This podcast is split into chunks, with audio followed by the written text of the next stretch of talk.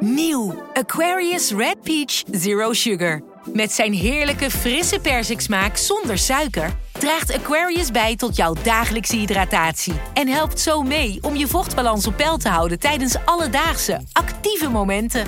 Thuis, op het werk of onderweg. Ook verkrijgbaar in smaken lemon en orange. Probeer hem nu. Bij een juridisch conflict kun je het gevoel krijgen dat je in een rollercoaster bent beland. Je wereld staat op zijn kop en je bent de controle even helemaal kwijt. Dan is het fijn als je bent verzekerd bij ARAG. Daar werken topjuristen en advocaten die je begrijpen. Die een stap extra voor je zetten. En je het gevoel van controle teruggeven. Met kennis en informatie, met heldere uitleg en met gericht advies. ARAG, juridisch probleemoplossers. Vanaf de redactie van NRC het verhaal van vandaag. Mijn naam is Thomas Ruip.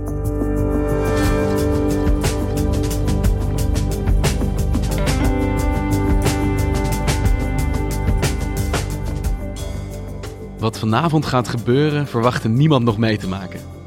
Ajax in de halve finale van de Champions League. Topvoetbal wordt al jaren gedomineerd door het grote geld. En Ajax is in verhouding maar een kleine speler. Toont Ajax dat er meer telt in het voetbal dan alleen de miljoenen die je hebt.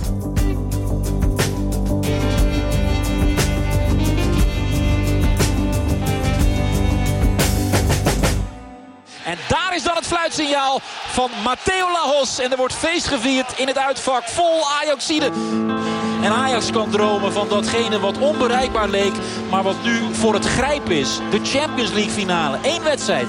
Volgende week woensdag scheidt Ajax van een plek in de allergrootste wedstrijd die er in clubverband is. De Champions League finale op 1 juni in Madrid. Vanavond speelt eh, Ajax tegen Tottenham Hotspur. En daarmee staan ze eigenlijk op de drempel van de finale van de Champions League. En dat is een uh, potentiële prestatie die moeilijk te overschatten is, denk ik. Bart Hinke is sportverslaggever bij NRC en Ajax-kenner.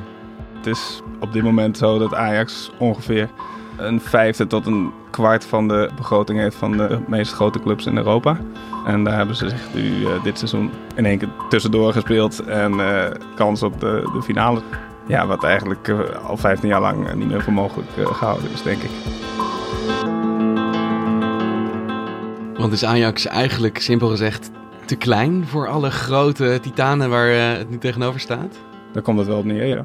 Uh, Real Madrid bijvoorbeeld, uh, die in de kwartfinale werd uitgeschakeld door Ajax, heeft een uh, omzet van 750 miljoen euro. En Ajax heeft 120, 150 momenteel, dus factor 6, ja. Maar dat is denk ik niet altijd zo geweest. Vroeger zaten clubs qua financiën denk ik dichter bij elkaar, waren die verschillen niet zo groot. Want wanneer is dat dan ontstaan dat een club als Ajax eigenlijk niet meer mee kan komen op internationaal niveau? Dan moeten we eigenlijk teruggaan naar de jaren 90, 1995, waar Ajax voor het laatste Champions League won. In Amsterdam droomt Ajax van een grote toekomst. Ajax kan zich weer meten met andere Europese topclubs als AC Milan en Barcelona. Met een schat aan eigen opgeleide spelers. 80 miljoen vertegenwoordigt de waarde van de topspelers. Maar dat kan snel veranderen.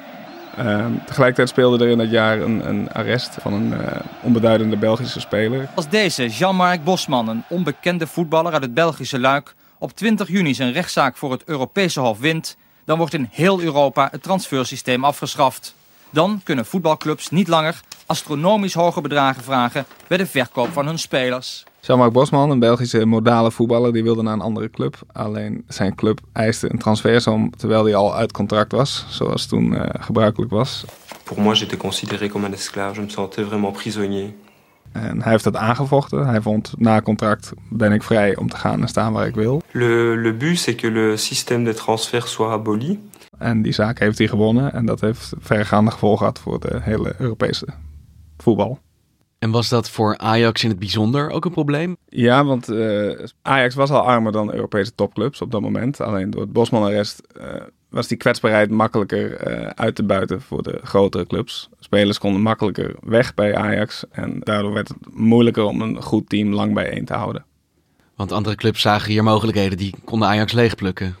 Ja, klopt. Spelers hadden gewoon veel meer macht binnen Ajax om te zeggen van nu ben ik hier klaar, ik wil mijn financiële geluk elders beproeven. Dus er ontstaat een enorme vrije markt rond die spelers. En clubs die concurreren met elkaar, die geven geld uit om de beste spelers aan te trekken. Is dat dan de enige reden dat die salarissen van die spelers zo enorm gestegen zijn?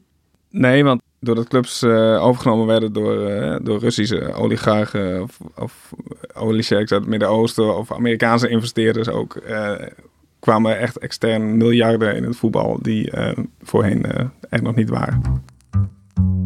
En waar begon dat?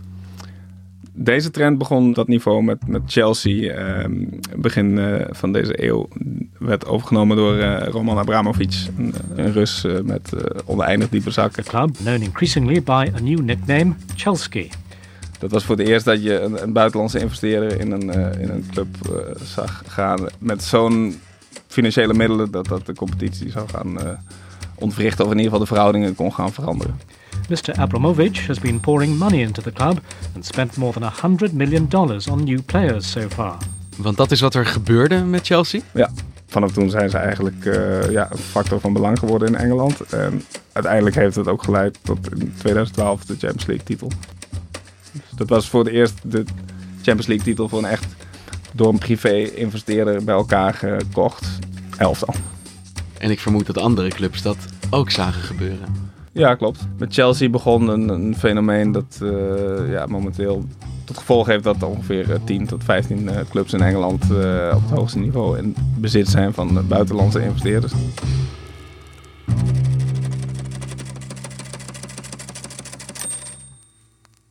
Is het dan zo simpel? Hoe meer geld je hebt als club, hoe hoger je niveau? Ja, zo kun je het wel stellen. Je kunt uh, bijvoorbeeld uh, de rijkste twee clubs, uh, Barcelona en Real Madrid, hebben op een gegeven moment Messi bij Barcelona en Ronaldo in, bij Real Madrid ge gehad. En die hebben de laatste, ik meen elf jaar, hebben ze onderling zeven keer de Champions League gewonnen. En ja, dat zegt een beetje dat de rijkste clubs krijgen de beste spelers en houden de beste spelers in het geval van Messi. En daar is dan moeilijk tegenop te voetballen. Maar misschien wel de belangrijkste reden dat, uh, dat Ajax bijvoorbeeld niet kan aanhaken bij de Europese top, is dat in de grote competities uh, televisiegelden een enorme rol zijn gaan spelen. En inmiddels verdient de Nederlandse club een fractie van wat Engelse clubs bijvoorbeeld verdienen. Maar ook uh, Real Madrid en Barcelona en Spanje, die hebben echt 100 miljoen ruim aan televisieinkomsten. En dat is voor Ajax 10 miljoen. Want waarom verdient een Nederlandse club als Ajax minder aan televisierechten dan internationale clubs? Ja, dat komt door de populariteit van de, van de competitie en dus de omvang van het land uh, waar de clubs in uitkomen. Um, en in het geval van Engeland zijn ook wereldwijd uh, de kijkcijfers enorm. Dus ja, dan moet je dus ook meer betalen om die wedstrijden te mogen uitzenden. Maar Ajax staat dus eigenlijk op meerdere vlakken op een achterstand. Ze kunnen niet zo makkelijk meer verdienen aan zelf opgeleide spelers. Uh, de tv-rechten hebben ze veel minder inkomsten aan dan andere grote uh, buitenlandse clubs. En ze hebben geen miljardair als eigenaar die ja, met oneindige fondsen dat succes een beetje kan kopen. En toch staan ze vanavond in de halve finale. En na vanavond misschien zelfs wel in de finale. Hoe verklaar je dat succes dan? Dat kan dus als je dus drie, vier spelers van wereldniveau hebt die zo jong zijn, uh, zelf opgeleid. Uh, het gaat er met name om, om Frenkie de Jong, Matthijs de Ligt en, en Donny van der Beek. Dat zijn uh, unieke talenten die op dit niveau nooit aan te kopen zijn voor, voor een club als Ajax. Uh, hun marktwaarde is al, al richting de 100 miljoen aan het gaan per uh, speler. Dus dat, dat geeft maar aan dat deze spelers voor Ajax nooit te betalen zijn. Zijn alleen maar zelf op te leiden zijn. En dan kun je er twee jaar in het eerste van profiteren. Ja, maar de jeugdopleiding van Ajax is al decennia belangrijk en prominent. Wat is er dan nu veranderd? Het is de Ajax-filosofie al decennia. Maar Johan Cruijff heeft na een nederlaag in uh, Madrid tegen Real in 2010 um, geconstateerd dat, dat het echt niet zo verder kon met Ajax. Ga je over het voetbal praten en zeg je nou toevallig de laatste week hebben we Real Madrid. Ja, als je daar naar kijkt schieten de tranen in je ogen. Ajax was al een tijd in een soort crisis beland waarin ze zelfs uh, nationaal niet meer uh, dominant waren. Uh, Cruijff heeft dat vooral twee facetten gezien dat het, dat het misliep. Het opleiden van eigen spelers en het aankoopbeleid. We weten allemaal dat Ajax een doorgeefluik is. Het andere worden je leidt op. De goede worden verkocht, gekocht. Als je dus blijft bij de, de, de jeugdopleiding, dan neem je de jeugdopleiding. En, en dat is niet eens de schuld van die jongetjes die er spelen. Je ziet ze steeds, als ze weggaan bij Ajax, dat ze beter worden. Ja. Dat wil zeggen dat er iets niet klopt. Cruijff heeft er uh, weer met hernieuwde bemoeienis eigenlijk uh, voor gezorgd dat de jeugdopleiding echt weer uh, de levensader van de club werd. Ja, je kunt er jarenlang over debatteren of dit allemaal daardoor komt. Maar feit is wel dat sinds de omwentelingen van Johan Cruijff hun uitgangspunt was dat spelers nu eenmaal snel weggaan. Dus ook eerder klaar moeten zijn om profvoetbal te spelen en op Europees topniveau te spelen. En feit is wel dat dat uitgangspunt in, in drie, vier gevallen in dit elftal van nu uh, uitgekomen is. Want hoe eerder je ze kan laten spelen, uh, hoe meer Ajax van ze kan profiteren voor ze onherroepelijk door rijkere clubs worden weggekocht. Zo is het, ja. Je moet tussen 18, 20, misschien maximaal 21 met Frenkie de Jong... moet je uh, alles uit ze persen eigenlijk al voordat ze doorgaan. Dus er ontstaat een soort window uh, daar. Ze zijn jong genoeg om nog niet weggekocht te worden... maar wel al goed genoeg om bij Ajax goed te kunnen presteren. Dus dat is eigenlijk de piek dat Ajax gebruik kan maken van ze. Ja, en alleen dat is wel heel moeilijk te regisseren. En zeker om, uh, heel moeilijk om, uh, en zo niet onmogelijk om dat jaar in jaar uit te doen. Waardoor, je, uh, waardoor Mark Overmars als technisch directeur ook bewust is van de tijdige, tijdelijkheid van dit fenomeen. Maar vindt hij dat dan niet enorm frustrerend? Ja, hij, hij ziet dat als realiteit. Ik heb hem twee maanden geleden geïnterviewd en toen zei hij erover dat hij bij Barcelona vijf jaar lang een team in het min of meer dezelfde, dezelfde samenstelling uh, kan blijven. En dat is voor Ajax niet weggelegd. Ja. Zien Ajax als het, het opstapje. Je kunt niet bouwen aan een langere termijn. Nog steeds niet? Nee. Legt zich daar ook bij neer dat je een elftal niet vast kan houden en alle topspelers uiteindelijk binnen een jaar, twee jaar uh, uitvliegen. Ik heb daar vrede mee, want ik weet ja. hoe, dat, uh, ja. hoe dat is bij Ajax. Dat is Ajax. Ja. Is dit succes daardoor ook niet meer te herhalen? Is het een soort unieke samenloop van omstandigheden dat het team op dit moment dit kan bereiken, maar Ajax volgend jaar ja, lang niet meer zo goed is als nu? Uh, dat kun je zeker stellen, ja. Ik denk dat dit wel iets is waar we, waar we tien jaar lang op moeten teren. Uh, ja, je moet ook wel reëel blijven en uh, inzien dat dit een, een, een uh, prestatie is die, die niet heel snel voor herhaling vatbaar is schot van afstand. Is het geen buitenspel? Kans goal! Kans goal! Doelpunt Ajax! Donny van de Beek! De vlag blijft omlaag. Het is geen buitenspel. De VAR zal er nog naar kijken, maar Zeker. het is 1-1. de lucht in. En daar gaat het. De licht de lucht in en het is een doelpunt. Het is 2-1 voor Ajax. De licht doet het uit een hoekschop. De wapens van Juventus krijgen ze zo om de oren. De licht... Verandert het ook de manier waarop je kijkt naar zo'n wedstrijd vanavond?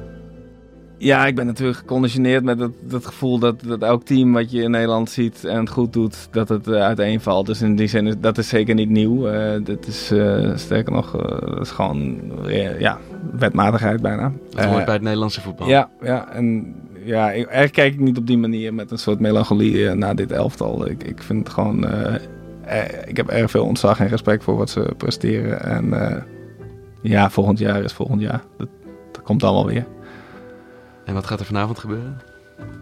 Ik uh, denk wel dat ze, er, uh, dat ze de finale gaan halen. Misschien spreken we elkaar dan nog wel een keer. Dat uh, denk ik ook wel, ja. Dat denk ik zeker. Dankjewel, Bart. Ja.